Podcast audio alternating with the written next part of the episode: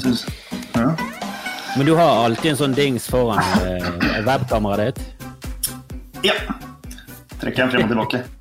Ikke, ikke en sånn uh, teipbit som uh, amatørene har. Nei, jeg har en eh, ordentlig, ordentlig plast, uh, liten plastbit som er uh, klistra på, med en liten sånn greie. Ja, så det er rett og slett en profesjonelt laget plasting som, er, som, er, som har det som formål å skjule hva, hva du gjør eh, til, til, daglig. Ja, i hvert fall når jeg Altså mot meg- hackinga, da. Mot hackinga. Selvfølgelig. Ikke, Ja. Det er ingen annen, jeg kommer ikke på noen annen grunn. Det er bare, bare at de ikke skal se at jeg sitter og koser meg og ser på Netflix. De, de greiene. Nei, det høres jo eh, Eller det hørtes jo paranoid ut helt til du fant ut at å ja, Mark Zuckerberg og alle de gjør det. Ja, og at eh, jeg prøvde sammen med en kompis for fem år siden, så gikk vi inn for å liksom se går det an å se andres webkameraer. Og det er ikke så, er ikke så Nå er det sikkert mye vanskeligere, men da var det ikke så vanskelig. Men eh, hvordan fant dere ut av det? Gikk dere bare inn på YouTube, eller måtte dere eh, gå inn på noe Reddit, eller hva? Eh, Både begge deler, men han er en litt mer eh, hackete type enn eh, meg. da. Men, så, men vi, vi var liksom ikke ute i DOS, for å si det sånn. men vi fulgte noen linker, og så fikk hvis man får noen andre til å åpne link, så Ja. da på en måte kan vi bli deres kamera. Men vi fant ikke ut hvordan man liksom kan liksom komme inn på ditt kamera, f.eks. Og lys uten at du har godtatt det. Og da blir lyset eventuelt på hos deg, osv. Ja, ok, så du må, du må, du må sende dem en link, eh, en sånn type sånn Hei, jeg fant noen kule bilder av deg, her er en link, og så trykker de på den, og så Ja, typ. Så, men vi gikk ikke så langt, og den vi til slutt liksom klarte å hacke, var jo på en måte med på det. Ja. Så godtok linkene våre og sånn. Så, så Ja. gjorde vi ikke det noe mer. Nei, men jeg tror jo at du skal jo bare ett eller to hakk opp fra i, av, i avansert grad, så, er, så klarer du å komme deg inn på de fleste sine kameraer. Jeg tror ikke det er Ja. så vanskelig. Nei, jeg, nei, jeg tror ikke det er så vanskelig, og det er derfor har jeg da den der lille greia foran der sånn. Det er bare en sånn liten sånn Så er man borte, vet du. Ja, jeg har sett det, jeg har sett det, og det koster vel ikke så mye heller. Nei da, betalt fikk uh, seks stykk for uh, 22 kroner eller noe sånt. Seks så dropp. stykker. Ja, og droppa man kan ha det liksom foran telefonen og sånn også. Men det ble for mye sånn. En klump foran der. Ja, jeg, synes jeg, jeg syns det, det er litt spennende, og jeg håper nesten at noen skal hacke seg inn på mitt kamera og se det der kjedelige livet mitt. Jeg tror du, jeg tror du mister interessen ganske fort. Ja, det er ikke så veldig mye som skjer her heller. Jeg har rett, rett i en sofa, ser du der har jeg ligget i stad. Ja. Eh, Ja. Så den er liksom dandert. Og så dreit jeg litt i det. Men du, du skulle spørre om noe, hva- hva jeg syns om capsen din, var det det, eller hva? Eh, nei, det kan du godt. Hva syns du om capsen? Den var fin, den. Ja. Nei, hva- det var hva du syns om eh, studio med motlys og alt her. Ser du ikke hvor fint jeg har rigga det, med vanlig stuevindu bak meg og slapt lys på et allergitryne? Eh, nei, det hadde vært verre hvis det visuelle var veldig viktig, men eh, nå er det mer, mer opptatt av lyd. Eh, Ja så kan de som er spesielt interessert, se video. Jeg har aldri helt skjønt det der med, med podkast på video, at det er mange som ser på YouTuben av Joe Rogan og sånn. Det, Nei, det, det hender jeg går inn hvis jeg lurer på hvem hvordan personen ser ut og sånn. Så hender det at jeg liksom går inn og tar en titt, men så går jeg jo videre og hører på podkasten. ja, for meg er podkast radio en sånn koselig ting å Yes. gjøre, eh, der du, der du kan gjøre veldig mye praktisk. Altså, radio er jo et eh, medium som er, holder seg veldig sterkt. Eh, Og jeg tror det kommer til å være der til evig tid. For det er et eller annet veldig behagelig med å ha noe på øret mens du kan gjøre masse andre ting. Det krever veldig lite av deg som person. Mens hvis du skal visuelt sitte og se på noe, så krever det fullstendig oppmerksomhet. Da må du være hele deg være der. Du kan ikke gjøre noe annet, egentlig. Ja, gjør du, ja. følger du alltid 100 med? Du spiser ikke eller gjør noe sånt mens du ser på? Ok, ja, ok, 100 var litt voldsomt, da, men eh, det krever, eh, krever mye av det. eh, jeg, jeg kan til nød spise. Eh, Men jeg kan, ikke, jeg kan ikke for eksempel, jeg, ikke, jeg er ikke god nok til å strikke, eksempel. Det tror jeg hadde vært Det hadde mistet veldig mye innhold hvis jeg måtte strikke. samtidig. Ja. Det er begrenset hva jeg kan gjøre. Jeg kan ikke, jeg kan ikke gå og støvsuge samtidig som jeg ser på noe. Men det kan du gjøre mens du hører på. Ja, ja, ja. ja. Det er jo det eneste jeg gjør. Altså, jeg tar jo frivillig på meg husarbeid for å høre på podkast. Jeg syns det er behagelig. Jeg liker at det er sansen lytting som på en måte Den kan du multitaske med, men syn har du ikke kjangs. Nei. Nei, nei, nei. nei, nei. Altså, og kjøre bil og snakke. nå har ikke jeg sertifikatet, men eh, Mm. Men jo det, jo, det er jo et eller annet med å ha, ha normal samtale. Det er liksom behagelig, for jeg kjører opp nå. Så jeg har jo øvelseskjørt og kjører med kjørelæreren. Så du klarer liksom å, holde en samtale gående i en bil. Ja. Men eh, hvis du skal holde telefonen samtidig, så ryker den ene hånden din, og hender er jo viktig i en bil. Eh, Så du må jo ha det på handsfree, og det går til nød. Handsfree går. Men eh, med en gang du begynner å tekste, da kommer det igjen synet. Sant? Da må du se. Da ryker Ja. det, og da er det plutselig som å kjøre med 2,5 i promille. Da er du Ja. Du kan jo ha sånn der eh, opptaksmodus som gjør om stemme til tekst. Bruker du den? Eh, Noen ganger når jeg kjører. Jeg har, nå har jeg ikke på, men jeg har en sånn iWatch. Så er det liksom Hei, Siri. Jeg er der sånn i halv elleve-tiden. Dette sier jeg mens jeg snakker, så jeg håper det blir bra som det kommer over. Jeg vet ikke hva som står her, men snakkes da. Ha det. Vet du, jeg testet den ut jeg, jeg testet den ut en gang, for jeg hørte på podkasten til uh, Tørnquist. Jeg hørte de første episodene med han og Jan Thomas blir venner. Det er jo ufattelig, ufattelig gøy. Og Jan Thomas er en eh, herlig, herlig person. Åpen Ja. om sine eh, feil, og det er nydelig å høre på. Og han eh, Det kom liksom frem at han var en av få han Einar kjente som brukte den eh, Siri-funksjonen, der du snakker inn i tele telefonen og han tekster Ja. ut for deg. Så testet jeg den ut. Var jo helt flawless. Jeg, jeg, jeg, jeg sa et, et eller annet med Elijah Wood, og det var liksom alt var perfekt. Hele setningen med Elijah Wood, perfekt stavet. Jeg bare, Hvorfor bruker jeg ikke dette hele tiden? Dette er jo fremtiden. Alltid likt teknologi og syns alt sånn spennende med sci-fi og sånn. Og så har vi dette her som er kanskje det er kanskje noe av det mest fremtid vi har. At du kommer og snakker inn til en telefon, og så bare tekster han ut for deg og sender det ut til, eh, Ja. til andre. Det er jo helt nydelig. Og så bruker de ikke. Det er kjempepinlig. Det er litt fascinerende at vi bruker, at vi ikke bare sender en uh, lyd Eh, Hallo, jeg er der om fem minutter. Uh, hvorfor uh, For i Finland, uh, jeg er jo halvt finsk, eh, der eh, sender jeg liksom melding med kompisene mine hvor vi bare snakker til hverandre. Eh, Ja, det- Og det er, jo, er jo ikke så langt bort dit. det er jo noen som gjør det her òg, sikkert. Men Ja, men finner har jo liksom etter, etter, no, etter mobiltelefon kom, så har liksom finnene rykket så jækla opp da, i det nordiske hierarkiet. Så var det, jeg følte at Finland lå liksom, de var litt på siden, og så holdt de på med litt rare ting. Og så kom eh, mobiltelefonen, og så var det plutselig så var de bare milevis foran oss. De var Ja, så jævla high-tech og kule. Ja, ja. Dunder. Men det var jo Eriksson var jo også ganske Men de var ikke like kule. Det var sånn med flapper og dra ut og Ja, det, ja, ja, du hadde Eriksson, og, og Sverige har jo alltid ligget et par hakk foran, men det var liksom Nokia tok så jævla De tok de riktige valgene hele tiden. De var, liksom, de var de første som bare kuttet ut antennene, de var de første som gjorde det. De var alltid så jævla De var så jævla på hugget helt frem til smarttelefonen. Og Ja. der bare floppet de så jævlig på. Nei, hva, skal folk like å, å ta på skjermen? Det er jo ekkelt. De liker taster, de liker ikke lagringskapasitet. De liker jo å gå inn og slette meldinger og Nei, nei, det der, det der har ikke jeg troen på. Internett i lommen, det der, det der vil ikke folk ha. Og så mistet de det totalt. Onkelen min fikk mulighet på i 92 eller 3 eller et eller annet sånt rett før Nokia kom, så fikk han sånn uh, arva masse penger, så han skulle investere enten i Nokia eller hva var det? Det var noe sånn der typ Finlands ostehøvel eller et eller annet der, ja, dette er det shit, liksom. Og han investerte nesten en mill, tror jeg, og masse penger inn. Og han tjente liksom Han dobla det, men det hadde vært, han hadde vært milliardær. Hvis han hadde Ja, ja, var, var du inne på Nokia før uh, hypen? Så, Datidens bitcoin. ja, det var bitcoin. Herregud. Det var um... Hvem er det som er finsk i, i familien din? Er det mor eller far? Det er mor. Det er mor, Mor ja. er. Ja, så jeg har, uh, snakker finsk med mor og med, med broren min. Da.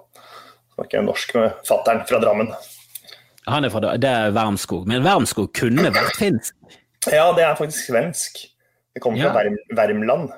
Ja, ok, ja, ja. Og det, det som opprinnelig var norsk i sin tid. Eh, Ja, men jeg vet ikke om det er derfor. Jeg vet ikke, jeg har ikke gått inn på My Heritage, så jeg har ikke helt sånn uh, nøyaktig kunnskap på det. Men uh, det er noe svenskt baki der. Ja. ja. Som det jo sikkert er litt for alle. Noe svenskt baki der. Men du er vokst opp i Drammen, da? Nei, vokst opp i Bærum. Bæ Oi, du er, på, er det der du kjenner Lars fra, ja? For du er jo ja. kompis med Lars uh, Bærumen? Ja, vi gikk på videregående sammen og spilte sånn skoleteater og spilte fotball fra vi var 14, eller noe sånt. Ja, eh, ja for det, jeg hadde lyst eh, det, det, er jo alltid litt hyggelig å, å, prate litt barndom og hvordan det hele startet. Og du var med på eh, skoleteater da, med gode gamle Lars. Eh, ja. når, når skoleteater? Ungdomsskolen, barneskolen, eller snakker vi videregående? Nei, jeg begynte å interessere meg for dette feltet eh, en godt stykke før det, men da med Lars snakker vi om videregående. Nadderud videregående. Vi gikk på idrettslinje, han i klassen under meg. Så, ja, ja, ja ja, var jeg med der eh, tre år på rad, da. Så, ja, i en sånn eh, slags eh, Oslo-revy eller teater, ja. eller hva? Nei, det, det, er en slags Oslo-revy, men Nadderud ja. og ikke Nissen, men en eller annen skoletid var liksom de eneste som fortsatt uh, tviholdt på teater. Så vi satte opp liksom uh, Per Gynt og Don Quijote og sånne ting. Så det var, jeg var veldig glad for det, da, fordi det fikk meg liksom inn i liksom det, og man kan liksom ha med alt mulig kødd og humor og alt mulig rart. Ja, for dere køddet det til, eller spilte dere eh, så bra som mulig? Vi kødda det til Nei, vi spilte så bra som mulig, men uh, de regissørene som måte var der, hadde gjerne gått på skolen før, uh, eller hadde en eller annen begynt på noe sånn teaterfag eller studium, ja. eller et eller annet sånt, så de hadde på en måte vissheten om at folk hadde ikke kommet hvis det ikke var gøy. Så for at liksom andre elever fra andre skoler skulle komme og gidde å se på noe som ikke var revy, så var det mye, ja, mye opplegg som det var humorbasert. da. Ja, men det, det, det, der minner jo litt om eh, Fana skoleteater. For vi hadde jo ikke den revytradisjonen som står sterkt på Østlandet, og spesielt i Oslo. Men eh, vi, vi, hadde en sånn eh, tradisjon om å sette opp eh, en slags musical eh, ja. som ofte begynte som en De første var vel en parodi på kjente stykker som Per Gynt og, og Grease og, og, litt sånn. Men eh, så skled det ut etter hvert, og så ble det mer sånn egenproduserte stykker. Ja, ja. Eh, men et jækla stort apparat rundt det. Det var jo eh, et budsjett ja, altså, på eh, flere hundre tusen, og det var jo kostymegrupper og musikere. og hentet en musiker fra Langhaugen som gikk på musikklinjen. Så var det veldig sånn veldig proff amatørgreie, da. Ja, og så er det mye stolthet i det. Og så vil man på en måte slå fjoråret hvis man får noen sånn karakterer eller tilbakemeldinger. og så ja. Så det er alltid en sånn hig etter å liksom levere, da. Det bunner vel i å bli likt av de andre medelevene et eller annet sted. Jeg tror mye av det vi holder på med, bunner i en usikkerhet og, og lysten til å bli likt av fremmede. Ja, jeg tror sjelden på den derre 'jeg var bare født til å være på en scene', det er meg. Det er bare sånn jeg er. Så er det sånn ja, kanskje 5-10% Resten er liksom ja, det var det du, du fikk noen gode tilbakemeldinger, og så gikk du den veien. jo, men jeg har litt troen på at uh, det er viktig i familien, altså det, at det er en eller annen slags status i familien din, at det er litt kult, og, og at, at, du kommer fra en familie som liker å le og kose seg sammen, fortelle historier. At det, at det kan også, ikke i ja. alle tilfeller, men at det i mange Nei, tilfeller kan være eh, grobunn for at du har lyst til å få andre til å le igjen. da. Ja, det tror jeg. Og så merker man jo fort liksom, om man får folk til å le eller får folk til å følge med. Eller man merker jo man har Ikke alltid, for det er mange som driver med disse greiene her som uh, man lurer litt på noen ganger sånn Hvorfor holder du fortsatt på? Men uh, stort sett så får man jo en feeling av liksom, at noe funker eller ikke funker, og så er jo folk forskjellige, så alle er jo ikke enige. Men sånn overall så er det sånn ja, OK, men innafor her har jeg kanskje noe å gjøre. Ja, men det kan jo være at de har veldig sånn støttende foreldre som gir veldig mye positiv respons. da. Og så, og så lager det en grunnmur av falsk respons som de, de opptrer på. Ja, ja. Jo, men i vendingen føler jeg litt mer kynisk og hard. At ok, de kan ha dårlig humor, altså, men det er liksom vanskelig å finne liksom syv personer med ræva humor. Du får en pekepinn på om du har noe på gang. da. Jo, men det blir ofte sånn intern sjargong. Altså, jeg holder på på det mm, andre teatret med impro og sånn, og det er veldig ofte det kommer bort eh, folk eh, etterpå, eller på byen, eller sender mails eller ringer deg sånn Du, jeg har en kompis som er så kul, og han er faen, han er helt altså, Hvis ikke han blir noe, så skjønner jeg ingenting. Og så har vi noen forestillinger hvor det er sånn Ja, OK, men fuck it, ta han det, da. Så får vi det på scenen, så spiller vi sammen. Og så er det bare sånn Ja, OK. Og så er det selvfølgelig nei, Det kan jo fortsatt hende at personen er flink, men du ser på der, de der timingtingene og de greiene som de antageligvis er selvsikre og trygge på i den gjengen. det bare funker ikke, på en måte. Uh, og med trening kanskje hadde det gått, men uh, så det er nok uh, Jeg tenker at det er, helt, det er helt greit å være den gøyale gjengen. og, det, og, det, og det holder noen ganger. Ja, jeg er egentlig litt motsatt. Jeg spesielt i min brors gjeng så er det et par stykker som er bare så, de er så sinnssykt morsomme. Ja. Og de er så sinnssykt flinke å holde taler, Så være sånn fest og være sånn tilstelning. Ja. Så, så, så, kan de reise seg opp og så bare drepe helt vanvittig med en sinnssyk historie, med bra timing, alt bare stemmer. Så har jeg liksom prøvd å, å, å få de opp på scenen. bare sånn, Jeg har ikke lyst. og De har, bare, de har liksom ingen lyst, ingen ambisjoner. Ja. De blir helt stresset hvis det er masse fremmede. Det er nesten det motsatte av meg, for jeg blir stresset hvis det er folk jeg kjenner. hvis det er fremmede, så gjør det meg veldig lite. Han taler gjennom brylluper og litt sånn. Jeg det er, eh, med lyset på. Ja, og så er det akkurat som det er en sånn forventning om sånn Ja, nå kommer dette blir bra.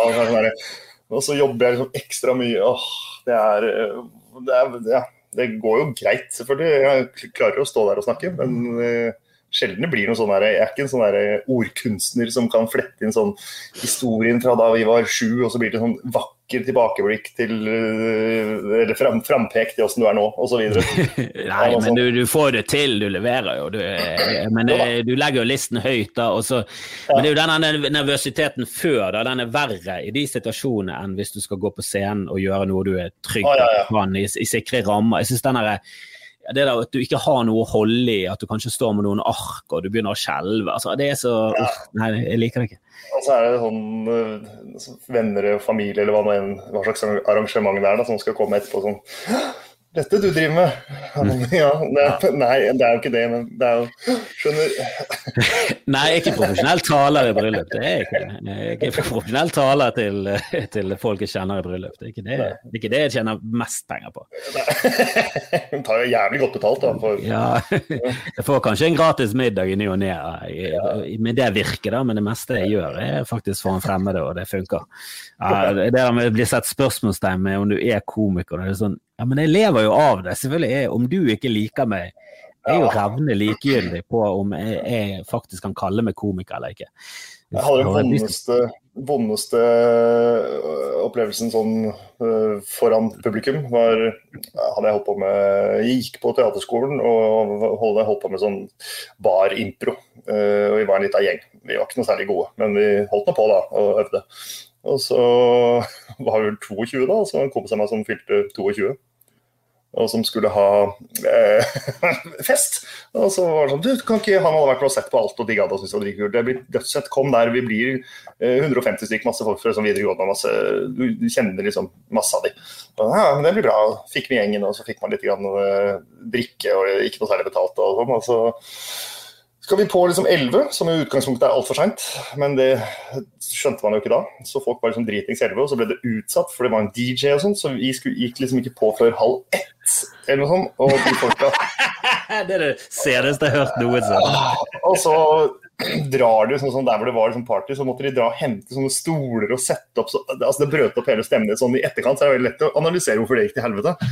Men uh, så gikk vi på og holdt, vi skulle holde på i 40 min, som jo også er altfor lenge, halv ett.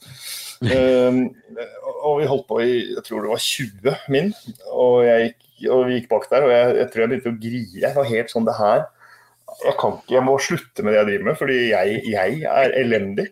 Og så skal jeg ut og så, Det var ikke noen måte å komme seg vekk derfra på, for jeg, hadde, jeg skulle jo være med på festen videre, men jeg hadde ikke noe lyst til det. Så prøvde jeg liksom å gå og sånn snike langs kanten, sånn ja, OK, nedi en kjeller der, sånn, så måtte jeg liksom bli stående i nettopp de der sånn Ja. Mm, -hmm. Du vet at du ja. syns det er dritt. Og så var jeg ikke liksom erfaren nok til å kunne liksom sånn kunne, Da hadde jeg bare tatt det med en gang og sagt det her er jo, dette er ræva. Ingen har lyst til det her sånn. Vi tar det igjen neste gang. Ja, ja, ja. Men åh, den, sitter, den sitter fortsatt som en sånn derre Fy faen, det der var vondt, altså. Ja, for du driver jo veldig mye med impro. Du driver med standup òg, men det er jo hovedsakelig impro du Ja. jobber mest med. da, Impro og skuespill. Ja, er teater og improvisasjon. Så Ja. vært innom standup. Jeg vil ikke si at jeg liksom har gjort nok standup til å kalle meg en standuper. eh, Sånn, eller når er man det? Men, eh, men jeg syns standup er veldig gøy. Men jeg bare syns impro er enda, enda morsommere. Og så har vi jo dette andre teatret som gjør, bortsett fra nå, da, under disse artige tidene, så har vi på en måte forestillinger fra onsdag til lørdag, ofte søndag. Så da tar det liksom tar det mye tid. Ja, ja, ja. Eh, jo da, jeg, jeg har jo prøvd eh, jeg, har eh, jeg, jeg tror jeg har gjort mindre impro enn du har gjort standup. Eh, men jeg har jo vært med, og jeg har vært med med folk som er flinke. Og, Ja. ja, det er et eller annet med For standup føler jeg at jeg kan. Eh, men når det gjelder skuespill og impro, så er det liksom Hvis jeg er med med noen som er flink, så er det sånn åh, dere er mye dere, altså, det er så mye bedre med at jeg, er, er jo hemskoen her. Jeg er jo fartsdumpen. Jeg gidder ikke å være fartsdump. Eh, Men hva er liksom eh, Hva er hemmeligheten bak å være bra på impro? Hva er, liksom, hva er det beste tipset du kan gi til noen som skal begynne på med impro? Nei, Jeg tror det er noe så kjedelig som, å, som er liksom basic-svaret, som er å akseptere og si ja. På en måte. Men det er et altfor kjedelig svar og sånn vanskelig å skjønne. Men um, hvis du spiller med noen og du er i situasjon og noen kommer med et forslag om noe, uh, og noe man skal gjøre, så bli med, vær positiv til det. da. Det er ikke alltid et ja er et ja, for det kan være gjøre at alt blir dårligere. Hvis du svarer ja til noe du skjønner at sånn, ah, vi skal ikke i den retningen, for det blir helt feil. Så da er ofte et nei å si ja til situasjonen. Da. Men uh, å si ja til liksom, situasjonen som er rundt deg, bli, bli, med på det og se hvor du kan lede. For vi er jo bygd opp ganske mye av sånne sperremekanismer sånn, i hverdagen, på en måte, hvem vi, hvem vi er. Så man, det er mye lettere å si nei. Det er mye tryggere og det er mye enklere. Uh, så pushe seg liksom ut i det. For du vet ikke hva som kommer, og det er det som er skummelt. Og det er det som er drittgøy når det funker. Um, og så er det vel å lytte med alle sansene. Så se på den du spiller med. Få med deg faktisk hva man sier, fordi ofte så blir man så styrt av sine egne ideer og sin egen sånn Ja. Åh, jeg har masse å, nå, nå vet jeg hvor vi skal gå. Hvis man, eh, det kan også være stikk motsatt, at man ikke aner hvor man skal gå. Men eh, hvis man liksom får litt sånn fot og sånn Ja, det her flyter. Så åpne opp ekstra og få med deg hva de folka rundt deg gjør. Og bli med på det. Kom med et eget tilbud og bli med på det. Ja, Det er litt vanskelig å kombinere det med å lytte med he hele kroppen og hele sansen, eh, og ikke ha noe plan da, samtidig, så du må jo være med og utforme scenen. Så hvordan, hvordan er det Ja. samspillet mellom å være helt blank, og så er det din tur, og så skal du liksom Eller du må jo ta orda ofte. Altså, hvordan, hvordan, Ja, klarer altså- du den der, eh, ja, hvordan klarer du det å samtidig planlegge litt, samtidig som du skal være helt åpen? Mm, altså Mye av det kommer jo bare med erfaring, på en måte, og har gjort det mye. Men det er å stole på at noe kommer. Ja. Og at de som sitter og ser på, du kan lure de nesten et minutt om at du har en plan, selv om du ikke aner hva du driver med. Eh, og så trenger jo ikke alt være verbalt, så du trenger på en måte ikke å bare stå og jabbe. Du kan liksom gjøre noen fysiske greier, eller eh, sette opp noe, eller bare liksom Åh, jeg skal i den scenen her skal jeg Du skal drive en kjøttbutikk. og så står du og kutter noe greier, på en måte. Og så kan du holde på med det en stund, selv om du ikke aner hva du gjør. Sånn, men du, ja, der driver du og kutter, og de henger opp noe kjøtt, gjør de ikke det på noen krok? Skyver det av gårde bort der. Ja, den, sånn, der var den helt borte ved veggen der. Og så kan du liksom kjøpe deg tid, og så spiller du jo som oftest med andre. Og så får noen andre en idé ut ifra noe du har gjort, og så kommer de inn og gjør hele, selv om du er helt blank. Så kan de komme inn og liksom fargelegge alt, da, sånn at du plutselig blir inspirert og skjønner ah, det er jo det vi holder på med her, ja. Men, så, men, men hvordan startet du med, med greiene? Altså, hvordan startet du med impro? Hvordan, når startet du, og hvordan? Og var det kurs, eller var det et eller annet du var med på? Eller hva? Ja, jeg fikk faktisk Det var også på Nadderud sammen med Lars. Så hadde vi en fyr som vi seinere begynte en improgruppe med, eh, som het Frank Ole. Eller altså ikke gruppa, men han fyren. Eh, som eh, da hadde istedenfor å ha sånn tradisjonell audition, sånn én og én inn i rommet, så hadde han en impro Han bare samla alle som ville være med, og så gjorde han masse impro-games og leker og sånn. Og så ut ifra det så klarte han å danne seg et bilde av sånn ja, du er sånn, du er sånn. Som jeg vil si er en mye bedre og sunnere måte enn mange av de der videregående auditionene. Hvor du skal være drittnervøs og stå sånn rett opp og ned og ikke klare å tørre å For mye handler jo om å tørre å leke og tørre å ha det gøy. Når du skal stå og levere. Ja da, og jeg føler jo mange av de auditionene er skapt for å liksom skille ut de som ikke takler press, og ikke, som blir for nervøse i, i situasjonen. Altså bare sånn skille ut veldig mange som er sånn ikke egentlig er de egenskapene du trenger på en scene. At du blir pissnervøs kan jo være positivt for å være med Ja. på noe. Men det er ganske sjelden du havner sånn helt i sånn lås, på en måte. Det, det skjer, det kan skje, men stort sett så eh, er det jo de andre tingene som gjør at du blir trygg og kan stå på scenen, enn eh, bare det der presset om at plutselig så glemmer du tekst eller eh, Ja. Men i hvert fall det, altså, ja. det var det som fikk meg inn, inn på at jeg syntes impro var gøy. Og så hadde vi det som eh, sånn emnekurs da jeg gikk på Romerike folkehøgskole. Ja, du òg. Ja. Ja. Ja, som, som alle som fins for det.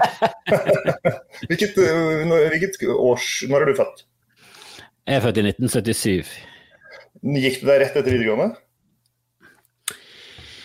Ja, jeg gikk der rett etter videregående, så begynte vel i Jeg gikk vel i 96-97, tror jeg det var. Gikk du der sammen med broren min da? Jens Erik Wermskog? Vet du hva, det klinger litt eh, Det klinger litt. Nå må jeg gå inn på Er han på Facebook? Nei, han er ikke noe sted. Han er ingen steder. Nei, han ligner litt på meg, men han var med De satte opp Showboat, husker jeg. Jeg var også Ja. med Da gikk jeg med han. ja. Er det han drev som er steppet? Yes. Ja, ja, ja, det vet du hvem han er. Ja, ja. Ja. Han var sinnssykt god å steppe. Jeg husker det. Eh, vi hadde jo eh, Det var jo hun der eh, Hun sang vel på et av de siste versene. Hun var så danselærer. Eh, Som jeg hadde møtt på i Putti Pluttipott. For hun Ja. jobbet med Per Asplin, så hun var den som, eh, som ordnet eh, audition der da, og, og hadde sånn steppegreier for å finne jenter som kunne steppe, så de kunne være mer sånn reinsdyr. Ja. Eh, Og husker hun hadde en duell med din bror. Nå ser jeg det. Han har lys da, men, eh, eller han hadde i hvert fall lys da på den tiden. Ja. Eh, Var det men han, det? jeg husker ikke hva han het, men hun var veldig gammel. Hun var gammel og røyste Ja. som en svamp. Ja, ja, ja. ja. Og hun var, sånn, hun var skikkelig sånn ruttis. Jeg er sikker på at Ja. eh, hun, er, hun er garantert død nå. Hun er Ja, hun døde for, eh, hun døde for i 14 eller 13 eller noe. Ja, eh, Hun ble ganske gammel. ja, men da holdt hun så overraskende lenge, altså, for hun røykte mye. Hun hadde sånn skikkelig showbiz-stemme. Og jeg er sikker på at Hvis du hadde sittet ned med henne og spilt inn en podkast, så kunne du snakket i 22 timer og fått Ja, ja. Det var, det Men husk to hadde en duell, da. Hun var jo et par og 60 da, tror jeg. Kanskje nærmere 70, og, og din bror var vel ja, han var vel 19. Men det var jækla kult, da, for han var jo grisegod og steppe. Jeg tror han hadde vært sånn norgesmester og sånn, og hun var jo også en av de ledende i Norge. Så de to sammen, ja, det var dritfett. Ja, det var kult, da. Jeg husker han. Husker han. Jeg var ikke noe sånn, jeg hang ikke med han, men, eh, men jeg husker Showboat og ja, Anders Bosmo var jo Ja, jeg husker det. Ja. Det var det så. Det var vel der min sånn lyst til å begynne begynte sånn ordentlig. Når jeg var og så liksom Å, faen, det her er kult, altså. Uh, Ja, jeg syns jo det var Det var da jeg fant ut at å, fuck, jeg kan ikke bli, kan ikke bli skuespiller. Det, det, men det var et eller annet med å gå med Anders Bosmo som var bare sånn Åh, Jesus faen. Du er jo du er jo det en skuespiller bør være. Så bra bør du være. Eh, du- bør jo legge listen liksom på å være Prøve å bli best, da. Og han var jo allerede helt sykt bra. Så, det, så lysten min for å liksom prøve å bli det, den forsvant veldig på, i løpet av det året. Og da tenkte jeg også at jeg ville satse mer på humor. At jeg syns egentlig det var gøyere å få folk til å le. Ja. Bra, da. Da satsa du bra. jo da, det gikk jo etter hvert. Er. Jo da, eh, det gikk jo etter hvert. Men, men du gikk der. Hvem gikk du der med, da? Var, det noen eh, kjente Ja, navn? ja, Ine Willmann, som nå er i Exit, blant annet. Ja. sånn ja, Henny-filmen. Uh, og så var det jo Herregud, det, var jo, det er masse folk fra det kullet som driver med teater fortsatt. Men Ja. det er mye sånn Tom Styve, som er ja, ja, jeg liker Tommy. Ja. Han er fyr. Ja. Og ja, ganske mange. Men som driver, veldig mange driver med, mm, med, med teater. måte, altså Ikke så mye sånn som folk vet hvem er utenom i bransjen. Ja, og så er det veldig mange som går inn i andre roller, da, og blir klippere og produsenter. Det er jo mange, jeg vil tippe at 25% av skolen ender opp med å jobbe innenfor underholdning. Ja. på Det er, jækla gøy år, da. Jækla befriende. å Bare ha et år med tull og lek og vennskap. Ja, det var deilig. Det var og intriger og moro. jo, masse intriger. Ja. Men det, det, jeg likte best med det, var at det var veldig få av de der rødvinsskuespillerne som sitter og synser og føler. Ja, de få kunne man styre unna. Ja, det, jeg tror det kanskje var to av de av liksom 114 da jeg gikk der. Og det var, ja. det er deilig at de fleste var bare sånn Skal vi gå ut og ta en øl? Bare det at de ville ta en øl, var bare sånn Å, jeg trodde alle skulle liksom sitte der og synse om eh, rødvin. Men eh, var jeg syns det var tak i? Det da? Eh, vi gikk, eh, ja, taket gikk vi på, og så gikk vi på checkpoint, heter det. Ja, ja, det var... Eh, og så var det et par andre steder, det, men det var liksom ett sted vi følte oss litt trygge, da, at vi var ganske mange.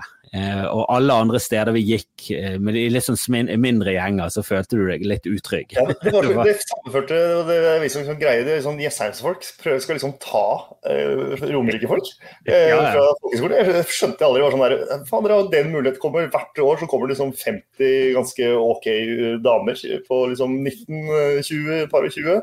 Hvis du står ute på byen, så bli noe med, da. Sjekk det opp, eller, eller motsatt, hvis du er dame der.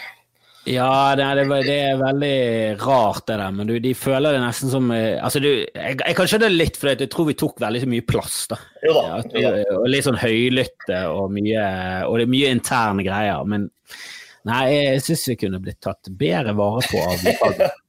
Og så var det en eller annen eh, krasj med sånn Det var Nato-base rett ved, så det var mye sånn militærfolk. Ja. Noen av de hadde nettopp kommet tilbake fra fra Jugoslavia. Det var jo en konflikt på den tiden da jeg gikk der. Ja. Og det var, det var en sånn guffen stemning av og til. Var, var, vi tok faktisk det opp på skolen et par ganger at uh, vi måtte liksom passe på så det ikke skled ut. Måtte prøve ja. å uh, oppføre oss. For det var krasj. Det var jo noen på den folkeskolen som var litt psycho. Så det var, vi var jo, kom i masse slagsmål et par ganger. Det var, ja, det, det var litt crazy. Ja, det er interessant skuespiller, teater, kunstnerspirer som bare kommer i flokk. Og masse slagsmåler mot uh, lokale folk. Ja, men jeg, jeg, tror det der bildet som er malt av uh, utover i samfunnet på hvem som er på teater, så er det veldig preget av det, sånn, å, det er veldig mye feminine verdier, det er veldig ditt, ja. det er veldig ditt, føleri og sånn. Så bare sånn jeg kjenner meg ikke helt igjen, for det er veldig beinhardt. Det er et utrolig hardt yrke. Og Det er ingenting som blir lagt imellom, det er ingen, ingenting blir pakket inn. Det er, det er sånn som fotball, så får alle lov til å være med. På teater så får ikke alle lov til å være med. Hvis ikke du er flink nok, så får du ikke lov til å være med. Og du blir fryst ut, og, du, og det blir sagt direkte sånn Nei, neste. Det er liksom ja. Får beinharde tilbakemeldinger på sånn Nei, det der er ræva, eller ikke alle. Ja, ja. Mye av det.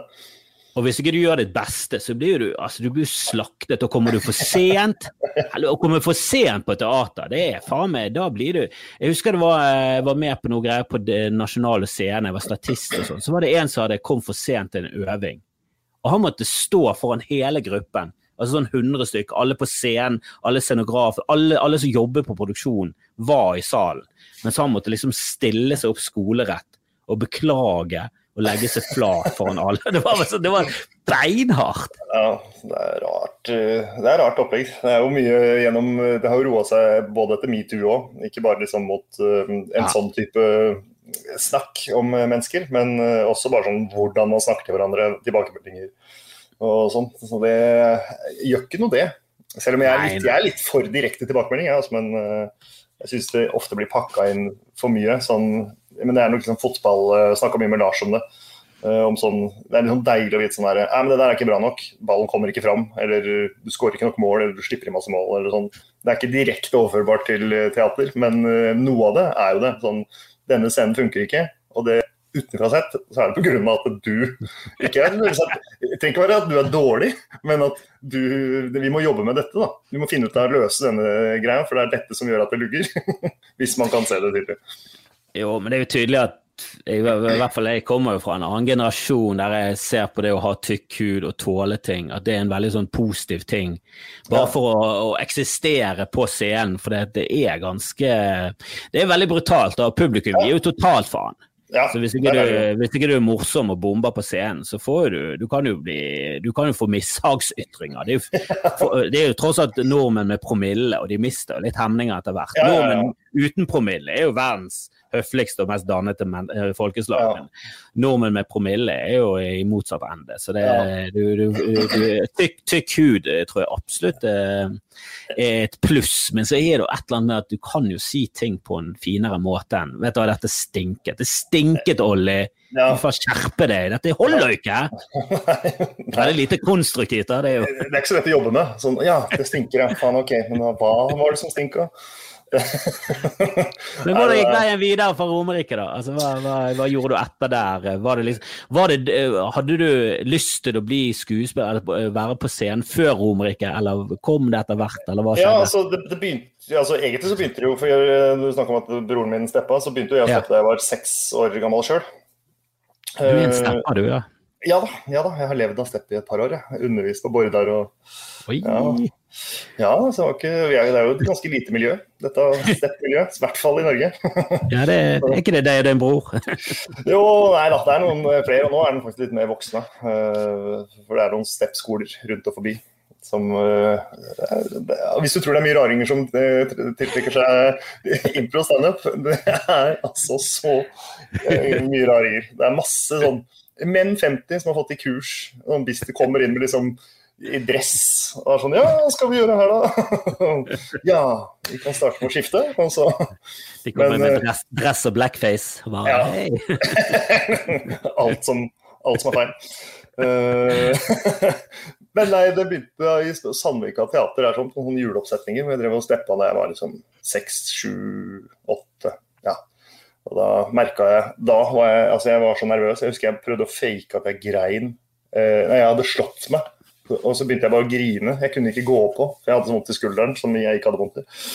Og så skjønte hun stepplæreren, som var hun andre guruen eh, Det er to sånne guruer. Hun du snakka med som røyker, og hun her som heter eller het Jenny, som var de som brakte steppen til Norge. Da. Eh, og hun bare dytta meg ut på scenen idet musikken begynte. Og det var helt sånn Jeg gikk av etterpå. Jeg tror det er den lykkeligste følelsen jeg har hatt. Det var bare helt sånn sjukt. Komme ut der og gjøre det du skal som du har øvd på et halvt år. Og noe enkelt sånn tå, her, tå, her. Det hadde på noen klovnekostyme, for det var en koreografi der. Og det var å komme bak og ikke huske noen ting, men huske alt. Og faren min hadde stått og filma at jeg så på det i etterkant. Og var helt sånn her Det her skal jeg gjøre for alltid! så det, var nok, det kom nok et lite sånn sånn, ah, det er å være å liksom, stå på en scene og merke liksom, applaus og Det var ikke så mye latter der, da, heldigvis. Ja, men, Men uh, få den liksom, umiddelbare responsen av en eller annen sånn publikumsenergi, det var, det var helt rått. Så der var nok liksom første frø sånn. Og så så det var allerede i barndommen at, at, du, at du fikk en liksom smak for det og hadde lyst? Ja. Ja, det kom veldig tidlig, på en måte.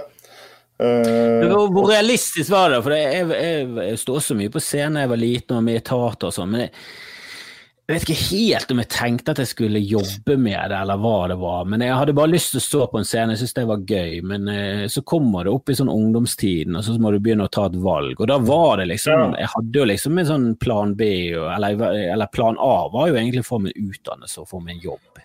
Ja, ja, min plan B var vel å bli fotballspiller. Trygge yrket der.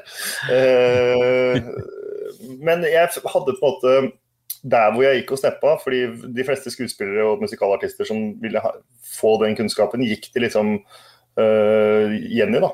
Så jeg hadde, Da var det liksom Kåre Konradi og Henriette Lien og det var masse masse folk. Så når jeg dro dit, så møtte jeg liksom alle de her som syntes det var stas at det var en liten fyr som hadde forelska seg i Stepp. Så jeg fikk jo på en måte mye sånn positiv tilbakemelding på sånn For jeg hadde masse spørsmål er det ikke gøy, og fikk dra og se på forestillinger de hadde på uh, Nationaltheatret og på altså, Oslo Nye og rundt og forbi. Så fikk, hun kom liksom backstage og hilse på og sånn. Så jeg fikk en sånn ganske Ikke at det var så veldig ofte det, det da, men uh, jeg fikk i hvert fall en sånn smooth inngang som ah, Jeg kan se det for meg fra jeg var liten, sånn hvordan det er å gå i de gangene. Ja. så jeg visualiserte og tenkte mye at dette har jeg liksom lyst til. Ja, det gjør jo ganske mye. Så, ja, så du jeg alltid lyst til det. Du, det er jo ganske fascinerende. Jeg, syns de ja. fleste er litt sånn ja, at de har en sånn spesiell Jeg snakker jo mye med standup-komikere. Der tror jeg den der inngangen til yrket og det er jo liksom Altså, det er veldig brått, da. Det er når du blir voksen, så prøver du det, så kommer du inn, og så ser du at å ja, det er ikke så langt. Det er ikke Nei. så stort steg fra liksom begynne til at du er på latter, liksom. Men, Nei, men, men, men standup er det jo litt annet, ganske mye lengre steg fra du begynner til du står på Nationaltheatret, da. Eller Nasjonale ja. Scene, eller Så det, det er jo ofte liksom det tar fort en altså minimum fire-fem år, på en måte. Eh, så kanskje du får en eller annen statistrolle. Og hvis du er heldig og kjenner noen eller er rett sted på rett tid, så er det sånn Jøss! Yes, jeg kom inn med et brett og sa her, assessor Brakk. Og så, og så kan jeg liksom skrive det i CV-en og sende nye søknader. Eh, så, men det fascinerte meg. Jeg var litt sånn misunnelig i starten. På standup. Jeg synes det så altså Det er masse flinke folk, men det var også sånn når jeg så på serier eller rundt og forbi, så var det sånn Jøss, yes, der er jo alle har jo egen, noe egen opplegg. Og der var plutselig Zaid Ali og har liksom et eget program på NRK. og Han har jo ikke noe bakgrunn i, innenfor liksom, Men så har han jo masse erfaring og alt mulig. Men sånn å komme inn i et miljø uten å liksom vite så mye om det, så virka veien helt sånn ekstremt kort. Men den er jo fortsatt kortere. Det er den jo. Ja. Jeg syns det jeg reagerte på når jeg begynte med standup, var jo hvor fort du liksom møtte folk som du hadde sett på TV, og så sto du på samme scene som de. Og det skjer jo ikke i teater. Du er jo ikke amatør, og så spiller du med Wenche Foss. Det er liksom Nei, for... da er det noe sommerspill eller et eller annet. ja. Men eh, standup så traff du til stadighet, så, så, dukket jo den ene etter den andre opp. Eh, og det er jo veldig Veldig kjekt. Hvordan er det i impromiljøet, da? Altså, du, du etter hvert eh, hva, du drev jo med impro, eller holdt du hele tiden på med impro og skuespill? Var det liksom en sånn kombinasjon der? Nei, vi hadde Tony Totino, som på en måte er eh, han som eh, Apropos bringe ting til Norge, som brakte impro til jeg gikk på på teaterskolen. Eh, så vi, han gikk der og liksom på en måte fikk med utdanna i over tre år, en gjeng med liksom improfolk. Som etter hvert har blitt improfolk, da, som, som da har gått teater. Og noen av de har fortsatt både med teater og impro, mens andre har liksom bare hoppa helt av liksom sånn vanlig teater og gjør liksom hovedsakelig improvisasjonsteater eller uh, mer sånn barimpro, på en måte, som jobber enda mer med rein humor. Uh, men det var, mens det var på en på NIS at jeg liksom fikk sånn Vi hadde masse workshops, masse kurs, begynte å spille på barer. Uh, spilte over flere år. Uh, flytte, fant liksom OK, vi er en fin gjeng. Så vi spilte på Dattera til Hagen en del år, og så liksom på Teaterkjelleren. Og så visste vi at det var et miljø på Parkteatret og et miljø på Chateau Neuf, som var ganske mange. og de hadde 200 folk i uka, og vi hadde 200 folk i uka, og de hadde på Parkteatret liksom 300 folk i uka. Så var det sånn OK, det virker som det er interesse for det her. Og så fikk vi da kluta vi oss sammen jeg på å si, og spilte masse sånn, uh, forestillinger hvor Harald Eia Helen Vikstvedt og sånn var med for å samle inn penger. da. Uh, bort på Chateau på hovedscenen der sånn, over et halvannet år. Og så fikk vi noen uh, investorer, og da fikk vi bygd ut og lagd det andre teatret etter hvert. Da var det en ganske svær gjeng som gikk liksom all in, og med utgangspunkt i at klarer vi et halvt år, så er det faen meg rått, liksom. Da har vi da har, vi, da har vi fått til noe. Og så kan vi kanskje liksom bygge videre på det på en eller annen måte. Eller kanskje liksom karre oss til et halvår til. Og liksom overlever vi, så er det helt sjukt. Og så gikk pila liksom bare rett opp med publikums Det var jo fulle hus nesten med en gang. Og fortsatt. Ja, du snakker om det andre teater, sant. Ja, ja. Eh, hvordan det, det fungerer? Er det et kollektiv som eier det, driver det sammen? Hvordan funker det sånn eh, bookingmessig og logistikkmessig? Altså, hvordan, er det et styre, eller hva, hva skjer? Ja, er, hvor, hvor altså, ligger det egentlig? Hvor ligger det i Oslo? Eh, på Lilleborg, rett ved Torshov. Så nå er det da ti år da, til høsten. Og vi har et styre. Vi, er, vi funker liksom som et vanlig Det er drevet som et teater. Bare at ja. Eh, vi, er, vi, er liksom, vi, blir dratt frem av Frp som en god modell fordi vi får så lite støtte. Uh, så, så, det er jo irriterende, for vi burde fått masse mer eh, støtte. For at man kan betale de som jobber der ordentlig. Men vi er nesten 20 stykker i ensemblet. eh, som spiller der. Og da er det også en musiker og lysteknikker og sånn. De er også en del av det ensemblet, for det trengs vel så mye for at det skal oppleves som eh, teater. Og så har vi vel en seks-syv årsverk med liksom teatersjefer og kunstnerisk leder og teknisk leder og bookingansvarlig og koordinator og litt sånn forskjellig. Og så har man et styre som er med å liksom sette agenda, som er liksom utvalgt av folk i Oslo. Ja. ja det å finne en sånn eh, en, en impropianist og en impro-lystekniker, det er jo det er jo kanskje det vanskeligste av alt. For det er veldig mange som har lyst til å gjøre med impro, med å finne, eh, finne en sånn talentfull pianist som også klarer å skjønne kodene og være med på timingen og liksom sette stemningen, det, de er så sjeldne. Ja, det er, eh, og så har vi har et par av de. Vi har en som er sånn multimusiker, på en måte, som bare sampler og spiller og gjør masse. De er jo på en måte historiefortellere, for det er jo det vi jobber mest med, er jo historiefortelling. Eh, så kommer eh, å ta det på alvor, så er det mye lettere å få humoren inn eh, rundt det. Ikke at det alltid må være humor, men stort sett så er det det. Og ofte ganske mye av det. Men da er de på en måte med å forandre narrativet og sette retningen. da. Livemusikere. Og så har vi også en som er helt sinnssykt god live, eller impro DJ blir egentlig feil, men han, er, eh, han styrer bare, sitter baki der og har en hel haug av underlagsmusikk og lyder og alt mulig. Og setter liksom stemninger som er helt sånn Jeg har turnert rundt med ham i, i verden, for jeg har blitt invitert til mye festivaler. Og folk, altså publikum som vet hva vi holder på med, på en måte, snur seg og klapper og applauderer han etter forestilling. på en måte. Og det syns jeg er jævlig fett. For da ja, det er noe å bli inspirert når du driver med impro. Uh, handler på en måte det meste om. Du en, er, blir du inspirert av det, musikken eller oppgaven eller medspillere, så går veldig mye på en måte Du er i en flytsone, da. Og da funker det bra.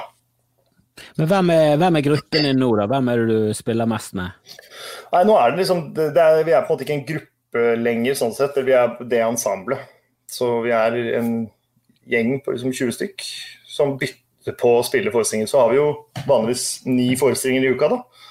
Så er det på en måte Og så er noen sånne OK, nå er de to på Riksteatret-turné, og hun holder på med en produksjon uh, på NRK eller et eller annet, så er det sånn OK, da er det vi, vi 13 denne sesongen, og så kommer de eventuelt innom når de kan. Så så det på en Vi har ikke et annet navn enn det andre teatret, sånn sett. Og la, la seg på en hytte og prøver å ikke le og sånne ting. Ja, ja sånne ting. Men eh, du er jo også kjent fra, fra TV, eh, og ja. da egentlig mest eh, for et nydelig program som, som, jeg liker veldig godt. Og jeg ser ikke på så mye norsk, altså. Jeg føler at nå har du liksom hele verden å ta av, så, så det er veldig behagelig å kunne liksom bare se ting fra USA og, og England og Nederland og Tyskland. Det er veldig mye bra som blir laget der ute, men Kongen befaler er jo det er jo altså det er veldig enkelt og rett frem. Satan som, som det funker, altså. Det er ja. veldig, veldig gøy. Jeg føler du sa der er 100% enig. Det er veldig enkelt, det er veldig rett fram, men det funker som faen. Fordi det er så banalt tullete, og folk får lov til å kødde og tulle og prøve.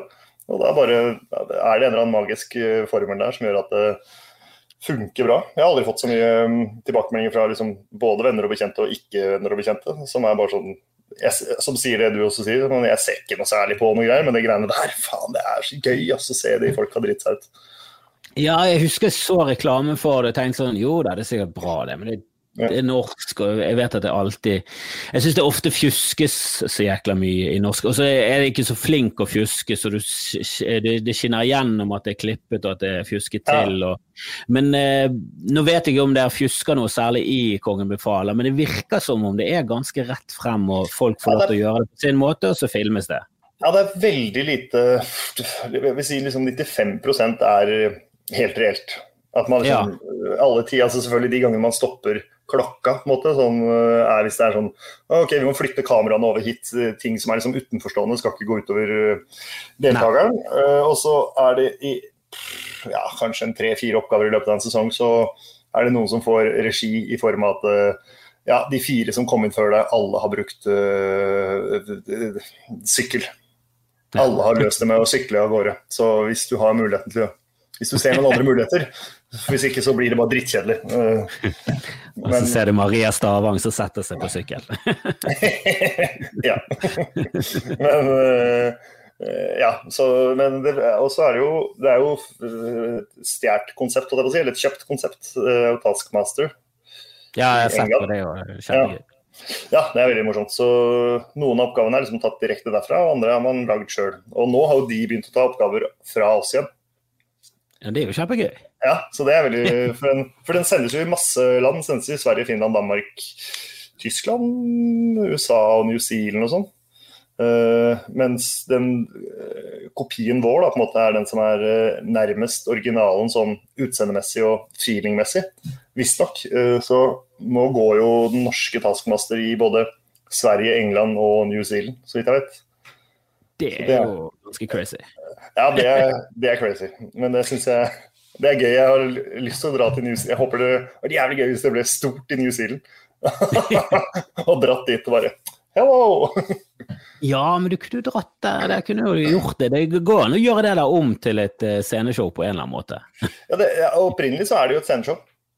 Det er det, ja. ja. Han som er Alex, da, eller han som er den ja, Han som er deg. Ja, det er han som er meg. Det er du som er han. yes. Han er på en måte hjernen bak hele greia. Ja. Og det starta som et fringe-show i Skottland. Ah, ja, ja, ja. Gjorde dette live. Ja, det, gir, det gir mening. Jeg snakket ja. om Fringe uh, ja, i forrige Skamfrest-episode. Jeg er jo veldig fan av Fringe. Og jeg, jeg vil jo anbefale de fleste i verden som liker å le, til å, å en eller annen gang i løpet av livet sitt reise bort der og bare ja. Og det er spesielt de der showene der som er gøy. Da. For det er gøy å se standup, og det er gøy å se ditten og det er gøy å se datten. Men å se alle de der eh, showene som er for smale til at det noensinne kommer til å komme sånn skikkelig til Norge, ja. men bare se de der borte. Se, ja, bare det finne de mest obskure greiene som fortsatt er bra. da. Det er jo helt uh, magisk. Har du vært der borte, du? Jeg har vært der flere ganger. Jeg var, var jo over så vidt og sto med Martin og Lars også. Den første ja, du var med på noen, eh, ja, The Norwegians of Comedy, var det den? Ja, men eh, de var jo der tre ganger, eller noe sånt. Ja. Og så første runden der sånn, så gikk det. Og så kom det noen barn inn i bildet etter hvert, som gjorde at det ble vanskeligere å være borte sånn fem uker i en Når ungen er ett til to år, så følte jeg, kjente jeg litt på det, da. Syns det var litt egoistisk. ja. Selv om det går. Ja. Men, ja, men det er jo ikke altså Hadde det vært en cash cow, hadde det vært sånn du, jeg kan reise bort der en måned, så kan jeg tjene 600 000. Så det er faktisk Så kunne du i hvert fall eh, istedenfor Vet du hva, jeg kan reise bort der en måned, så kan jeg tape 25 000. Og mest sannsynlig få en sykdom. Så hvis jeg får leve ut denne drømmen her, så er dette forholdet slutt.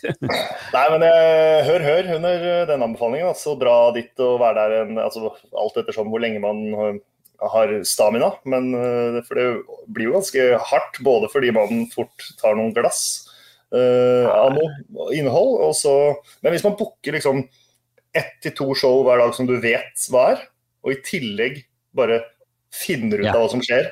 Og det, sånn, man ser jo, altså På det meste kan man jo se ti show på en dag, men det er jo litt slitsomt. Men sånn, se en sånn tre-fire i løpet av en dag, hvor to er eh, sånn du har forventninger og tenker dette blir bra, og som gjerne koster, fordi det der free fringe-greiene er jo uh, alt derimellom. Altså, det kan være dritbra, og det kan også være helt, helt jævlig. Men det er litt gøy å være på de der showene hvor du er sånn Det er deg og to ungarske folk og en fra Irland, og det er det. Og så er det burlesk-show. Ja. ja du må, du må være liksom forberedt på at du kan ikke gå. For, det er for grusomt å gå, og som oftest så er jo døren ved siden av scenen, så du må liksom skubbe unna den som har showet for å komme deg ut. Så du, du er jo fanget i en time, og det kan være hva som helst. Men det er nesten kult å være der de første ukene før liksom alle sånne anbefalinger. Og, for da begynner det etter hvert sånn du ser sånn OK, disse showene fyller seg opp, disse er tomme. Men sånn hvor det plutselig er 150 stykk da, på et skikkelig drittræva show. det, er, det er noe eget gøy med det. Å sitte der og være sånn ah, dette er så vondt.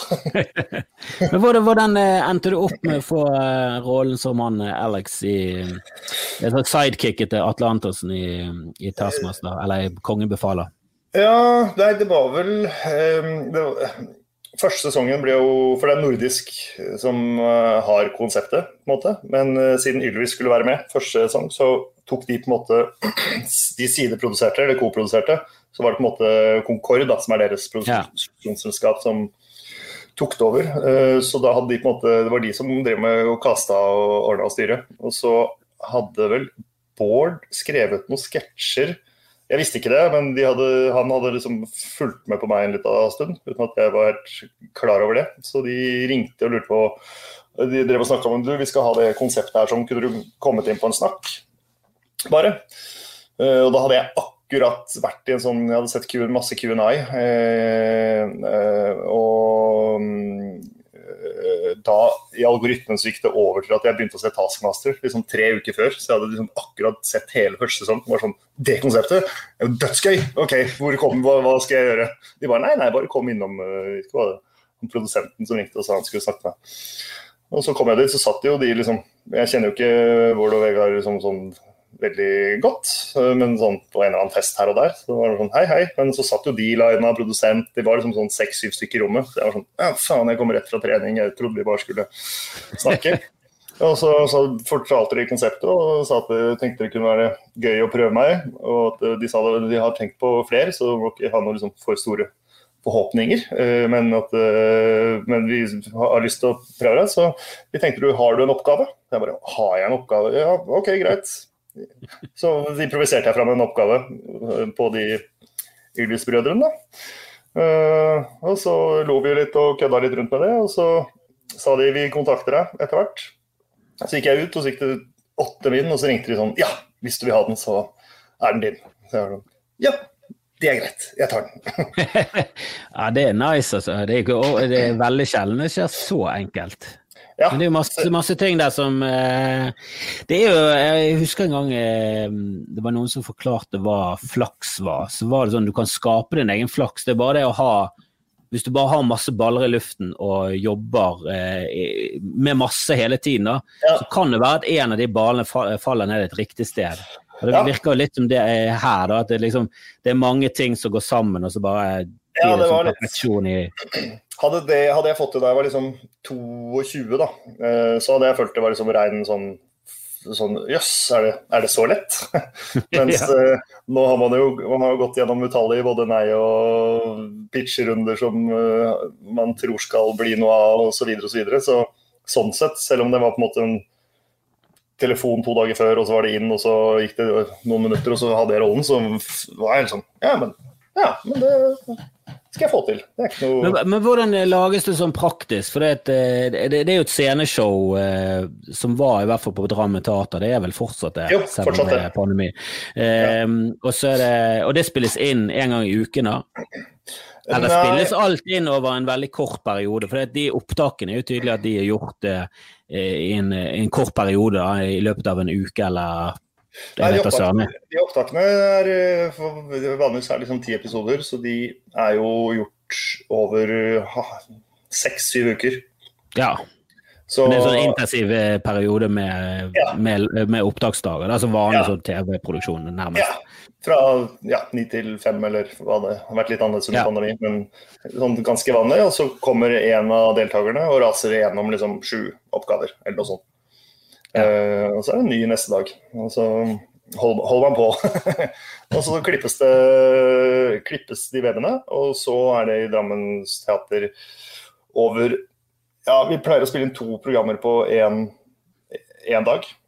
Ja. Uh, og så tar man gjerne liksom en bolk på tre, og så en pause. Og hvor kommer an på i produksjonen hvor lang tid man trenger for å klippe resten, eller ja, enten uka etter eller måneden etter. Så tar man liksom resten, av så det er ganske sånn intensivt og fint. Men vi har jo drevet og snakka om at vi har lyst til nå når ting åpner igjen, om ikke så altfor lenge, forhåpentligvis, at det hadde vært kult å liksom for det er et veldig kult uh, sceneshow. Det er veldig lite liksom, pickups. Det trengs ikke så mye sånn opplegg uh, og sånn vanlig sånn OK, må vente kjempelenge på disse greiene her. Sånn. Det er liksom ganske rett fram. Se klipp, tilbake, snakke om det lenger enn man trenger. Klippe det litt ned til når det skal bli ferdig.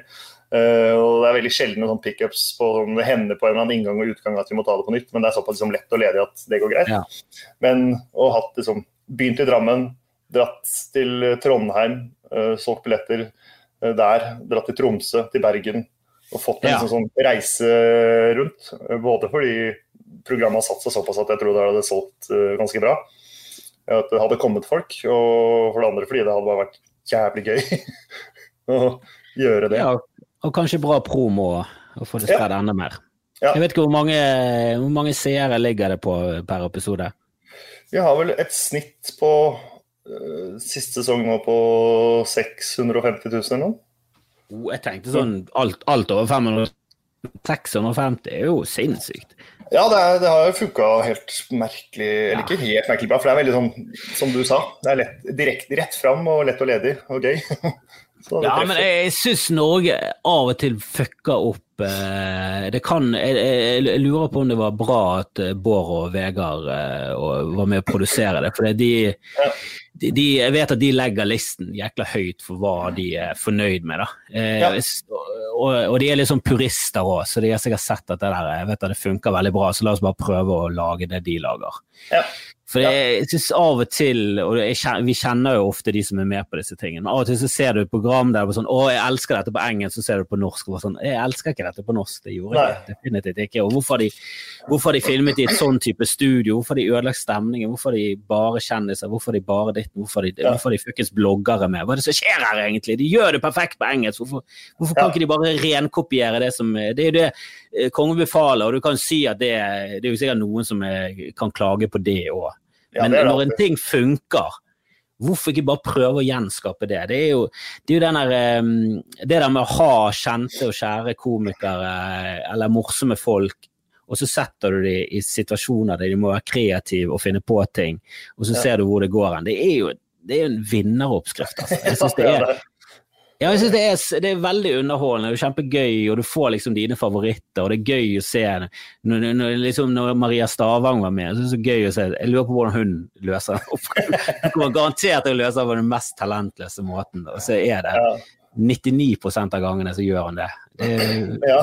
Og så overrasker hun innimellom. jo da, men det er alltid Ja, innimellom kan jo treffe blink, men som ofte så er det skivebom med, med glimt i øyet. da. Eh, ja. Og så er det noen ganger du blir liksom helt sånn sjokkert, f.eks. når eh, ja, Bård og Vegard viser seg å være 100% psykopater med at de ikke blinket. Ja. ja. Er, Men det liksom, for jeg tenkte sånn, jeg satt med en gang den oppgaven Det var en oppgave der det var sånn om vi har ikke blinke. Det var det som var hele oppgaven. Du kom ja. inn i et rom, sto det bare på en lapp 'ikke blink'. Du, bare, hvor lang tid? Ja, tiden starter ja. nå, du skal ikke blinke. Og jeg satt og så på det og merket at det begynte å klø på øynene mine med en gang. Og jeg tror jeg blinket etter sånn fire sekunder. Ja. Eh, og så kommer Kalle inn, som jeg kjenner ganske godt, og han holdt jo jækla lite. Ja. Og Marie Stavang kom inn og begynte å holde på øyelokkene og blinket med en gang allikevel. Ja. Og så kommer Vegard, og han satt vel i en halvtime eller noe sånt. Han satt en halvtime, og da var det faktisk at han måtte, han måtte ja. gi seg. Måtte, ja, han måtte sånn... hente på trening. Ja. Det var noe sånn, Han måtte et eller annet hente noe barn. Ja. Og så kommer Bård, og så bare blinker han faen ikke. Nei. var um, sykt lang tid. Og det er jo gøy, for vi hadde jo, for Han filma jo med GoPro av seg sjøl. Eh, og vi har jo da hele det materialet hele veien. Så vi så jo igjennom, liksom, eh, at nei, han blinka. Det var ikke et blunk noe sted. Jeg snakket med han om det. Han sa at han, hadde jo, han hadde jo eh, jeg tror han hadde fått beskjed av en eller annen lege om at ja, det må du ikke gjøre, altså det er farlig. Ja, han fikk jo... Ødelegge øynene. Ja, for han sa jo dagen etter Han gikk med sånn tåk, litt sånn tåkete og syn, for han fikk jo altså Øyelokket var helt tørt, eh, altså øyet. Øye. Så når han blunka, så Han måtte liksom jobbe i gang øynene. Så han fikk jo sånn litt sånn rift, sa han, på det ene øyet, som han sa. men, men det er jo det, jeg tror den viktigste oppskriften, og det maser i hvert fall jeg med alle deltakerne, for man kjenner jo stort sett de fleste eller, øh, som er med. Sånn før de blir med, så ikke prøv å være morsom. Ikke, ikke liksom en, altså Noen ganger så gjør man en tulleløsning, på en måte, men det, helst ikke, for det skinner sånn igjennom. Så blir man så skuffa hjemme hvis man er sånn Du kan godt jo være ræva, men du må ha prøvd. Uh, ja, ja. Eller, eller, så du kan gi opp hvis det er bare sånn OK, jeg veier 250 kilo, jeg klarer ikke å løpe opp den bakken der det er greit. Det kan være gøy nok i seg sjøl. Men uh, stort sett så må man man må prøve, liksom. Og gjør man det, så funker det. Ja, ja, det er definitivt bare sånn Eh, det trenger ikke å være de morsomste løsningene som er det gøyeste. Av og til er det det. Jeg husker når Marie Stavan skulle gjemme seg i huset til Atle Antonsen, eller det som liksom er huset, og så gjemte hun seg i det der Andy Warhol-bildet av Atle Antonsen, og hadde liksom sminket seg. Det var så ufattelig dårlig. Det var veldig kreativt, da. Var Ja, ja, ja. Bare gjem deg ei blend in the picture, eller hva det var, som oppgaven. Ja. Bland deg et bilde. Hun tolka det jo helt, helt bokstavelig. Ja. Ja vel, så jeg, jeg skal inn i et bilde, ja. Bare sånn. Ja. Spennende. Men, men hvem vil du si er liksom eh, den eh, morsomste å se løse oppgaver? Når du liksom, hvem er det du gleder deg mest til skal løse oppgavene når du, når du sitter der selv? Når jeg sitter her selv, eh, så tror Ja, så du er jo ofte med i, du er jo Ja. ofte med i oppgavene. Da. Av og til så er jo oppgavene direkte at du skal liksom ikke se at de sniker unna gjenstander. Ja. husker en gang. Altså, men er er du der på oppdragsdagen og folk gjør ting? Du står jo ofte ved siden av. Ja, jeg er på de aller fleste øh, opptaksdagene. Uh, men den jeg syns er gøyest, liksom, og den jeg gleder meg til jeg, eh, Vegard syns jeg var vanvittig gøy, for han er eh, ganske så smart fyr. Eh, så du vet at han går all in på alt. Eh, og Jon Almås er sånn fyr som er liksom du gleder deg til, for du vet at jeg vet at når han er ferdig, så er han sur fordi han ikke har fått, han har ikke fått utløp for det geniale hodet hans. på en måte. Eh, og så er han jo en besserwisser og vet jo liksom Hvis han har gjort noe dårlig, så mener han jo litt at det er oppgaven som ikke er bra nok. Det, Ja, altså, han tror jeg liksom er han er den, Hvis ikke han hadde hatt sjarm, så hadde han vært det verste mennesket i verden. Men så har han en eller annen selvironi og sjarm som gjør at han liksom Det bikker over til at du bare liker han, og han er veldig Ja. likende. og så er han veldig ålreit i pri privat òg, på en måte.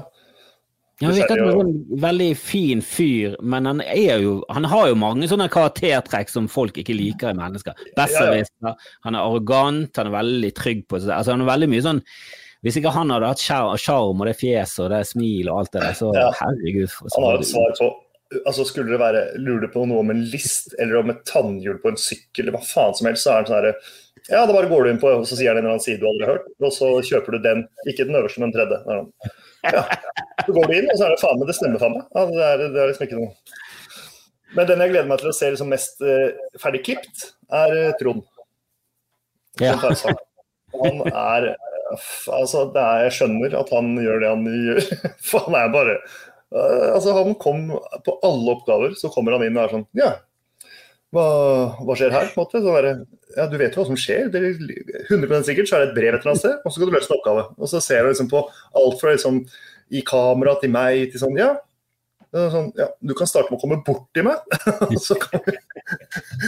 og det var hver gang så altså, hva er det? Og så bruker han ganske lang tid på sånn hm, Hva kan være lurt her? Han er dårlig på å liksom begynne spontant. Men når han først kommer i gang, så er det jævlig gøy. Og så er det en gavepakke til klippere. Det er bare sånn OK, skal vi klippe han litt uh, at, Vise alt surret, eller skal vi vise løsninger bare? Eller Nei, han er gøy, ass.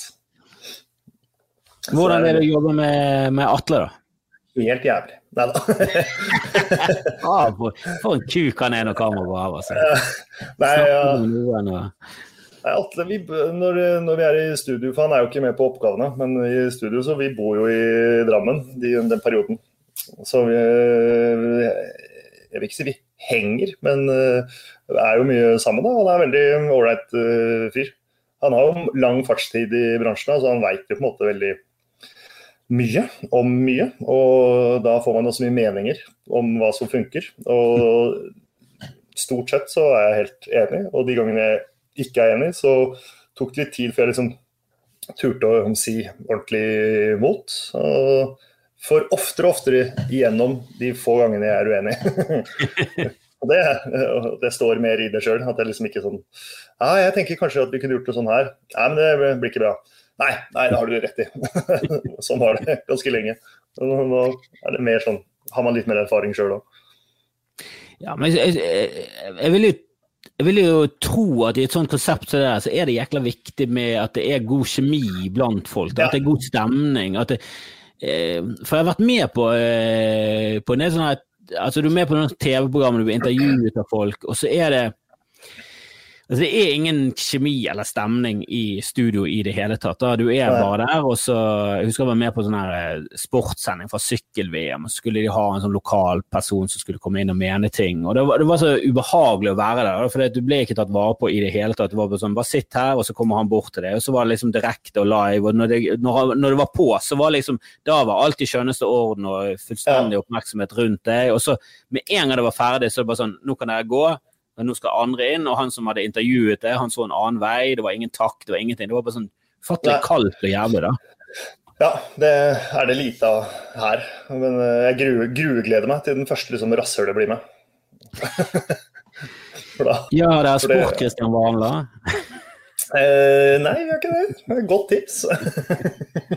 ah, han er gøy. Ja, det er, jo, det er, jo det. Det er jo ganske mange, ganske mange som hadde vært som er gøy. Så det er ja, det blir spennende å se. Det blir spennende å se hvor mange runder de tør og, vil å kjøre det. Og hvor mange som til slutt blir med. Elves har gått i England, men de har jo flere å ta av, da. De har flere å ta, ja. Uh, det har de. Men uh, de, altså, hvis de skal ta alle, så kan jo de holde på i 80 sesonger til, minst. Jeg tror de kan holde på evig, egentlig. Jeg tror det kommer ja. nok til til at det hele tiden er påfyll. Og så trenger du ikke være komiker heller. Du kan jo ta inn en uh, morsom personlighet innimellom. Ja. Tanja Hundvin er jo ikke en gjennomført komiker. Nei, ikke i det hele tatt, men uh, hun er jo gøy, gøy og surrete. ja, hun er veldig veldig gøy og veldig ærlig og veldig åpen ja. om sine feil, og det er jo viktig i et sånt program. Ja, ja så det er mange som uh, kan funke, men det er en hårfin balanse på liksom, Apropos det snakka om i stad, ha med blogger eller ha med navn fordi de på en måte, eller idrettsutøvere da, som er litt sånn Pølsa Pettersen er en gøyal type, liksom. Skal vi ha med han inn? Eh, blir det helt feil? Blir det helt riktig? Altså sånn, De vurderingene der er jo eh, Eller jeg syns det er ganske enkelt, eh, hva jeg ville sagt. Men, men, uten å si for mye om det. Men i, i, mange situasjoner så er det jo mange ting som spiller. Altså, det er jo kanaler og ønsker og trendnavn og alt mulig. Så det er jo alltid, Men jeg kjenner at få inn liksom en gøyal blogger, eh, f.eks., uten å stigmatisere de, er bare litt mer eh, Kan være litt vanskeligere, da. For du bør ha litt erfaring innenfor hva det er å gjøre live TV med åtte. Ja, og så er det litt sånn Det er sjansespillet. Ja. Du kan få et veldig stort navn med masse følgere, men det, ja, det er du, du, du, tar større risk på om de hele tiden klarer å levere noe som kan bli morsomt, enn hvis du tar ja. en som du vet og det er jo ti episoder, da, hvor du blir stuck med noe som ikke funker, eventuelt. Men jeg, jeg stilte et spørsmål, jeg, jeg la det ut rett før du kom med, men um, ja. eh, om det var noen som hadde noe de lurte på. Det, det Gjengangeren har jo vært eh, at folk har lyst til å høre mer om om din eh, koronahistorie fra Os. For jeg, jeg, fikk jo litt sånn eh, var ikke det at jeg fikk kaffen i halsen, eller sånn, men jeg husker eh, ganske tidlig koronagreien, så plutselig bare dukket Ollie opp som en sånn han her, han her fjotten her som kanskje noen kjenner fra TV, han er koronafast i Os. Ja. det var jo også når du dukket opp når jeg skulle prøve å finne et bilde av deg, så var det ja da, jeg, ja, jeg bestemte meg når Eller jeg, for det, det, alt det skjedde, på en måte. Og så ringte jeg La, La for han var på koronaavdelingen. så var jeg sånn, Hvordan tar man vanligvis de korona... Er det vanlig at man ikke tar de i nesa i det hele tatt? Og så var han sånn Hvor er det hva skjer? Og så fortalte jeg han historien. og bare OK, ikke si mer. Vi kommer til å ringe deg etterpå fra podkasten. Uh, og så var det jo derfra at jeg var sånn ja, fuck it. For jeg snakka med dem liksom etter podkast, og de var sånn Du må bare snakke med alle. Og så da ble jeg sånn OK. Så da, det er faen meg, faen meg rett i. Det her er liksom, Sett utenfra, det her er altfor sjukt. Det her skal ikke andre måtte oppleve. Så da gikk det liksom halvannen dag, og så gikk det jo altså Jeg tror alt utenom liksom Se og Hør ringte og skulle ha en kommentar. og alle var sånn Ja, dette er, vi skal holde det, dette er et scoop. Vi må ikke snakke med andre. Så jeg bare Ja, jeg har allerede snakka med fire andre medier. OK, OK, ok, ok, send oss noen bilder og Men det var helt uh, absurd. Det hele og med Riksteatret på turné på Vestlandet. Ja, ja, du var på fly fra Oslo, så har du fløyet bort, skulle på Riksteatret. Der var det første, eller noen av de første dagene var dere i Os da på Oseana og spilte? Ja, eller vi var jo først en uke i Stavanger og Haugesund. Uh, og så dro vi til Os og spilte der. Og bodde liksom på spahotell. Og så ringte det på kvelden på en søndag, om i halv åtte-tida, så ringte da en eller annen smittesporer fra Sagene bydel. Sånn, Hei, du har sittet ved siden av noen som har korona. Du må, jeg vet ikke hvor du er, men, eller hun sa ikke hvor du er. Du må, bli, du må bli der du er. Så jeg bare Ja, jeg er på et hotell i Os. Og hun bare Ja, da bør du nok bli der. Da må du nok bli der. Og så var det sånn Ja, det ja, det, jeg skal på spille forestilling i morgen, og jeg har allerede spilt Jeg har vært overalt, på en måte. Jeg har vært veldig koronatydelig. Eh, altså sånn, det er ikke mange som må i karantene her hvis jeg har korona, men uh, jeg har vært overalt. Og jeg, ja. Så sa de du må bli der. Da ringte jeg til hotellet. Så, så sa de et øyeblikk, vi ringer deg tilbake. Så hadde de et møte, og så ringte de sånn Ja, nei, du må nok komme deg ut herfra. Du, du er ikke velkommen her. Det sånn, Nei, jeg har fått beskjed av OK, dette er over, hva skal jeg gjøre da? Nei, det finner vi ut av. Så ble det kommuneoverlegen der, eller smitte i Os, som da sa, ringte meg og sa at nei, du får ikke lov å være der, men vi har et sted som er sånn koronasted, da, som for dere som er potensielt er smitta. Og sa at sannsynlighet altså Jeg skjønner at jeg må være i karantene, men nå er det, jeg har igjen tre dager av den karantenen, og jeg har ikke ett symptom. Så sannsynligheten for at jeg er smitta nå, er vel ganske relativt liten. Men jeg er med, er med på dette. Liksom. Og så sånn, ja, nei, den er nok liten, men uh, du vet. Så jeg bare ja, OK. Og så begynte de å liksom banke på døra der. sånn, sånn Idet jeg åpna døra, så hoppa de unna. Bare sånn Du må ut! Du må ut! ja, ja, ja. Altså, jeg får ikke lov. Så må, dere må snakke. Jeg er låst her inne. Uh, så det, noen må snakke sammen, for jeg kan ikke Og så ringte Jo, før uh, Os uh, i, da, på Vestlandet ringte, så ringte jo Os oppe ved svenskegrensen i i Bila, eh, rett ved Trysil eller noe, så er det et eget Os. Så de hadde jo fått beskjed om at jeg var der og var smitta. Kom deg ut av bygden! ja. Men så i hvert fall ble jeg henta liksom, av brannvesen i fullt smittevernutstyr og ble kjørt i en sånn brannbil i da, hva var det, nesten 40 min ut av Os og ut på en sånn øy ved siden av et mental, nedlagt mentalsykehus i en leilighet som ikke hadde noen tid Det var ingenting klart der. Alt var bare, og Ikke var det gardiner, og møblene var liksom så vidt satt opp med plast på seg fortsatt. Og De hadde satt opp det for et halvt år siden, så de som hadde satt opp, hadde jo kommet og forsynt seg med ting, for det ble aldri brukt.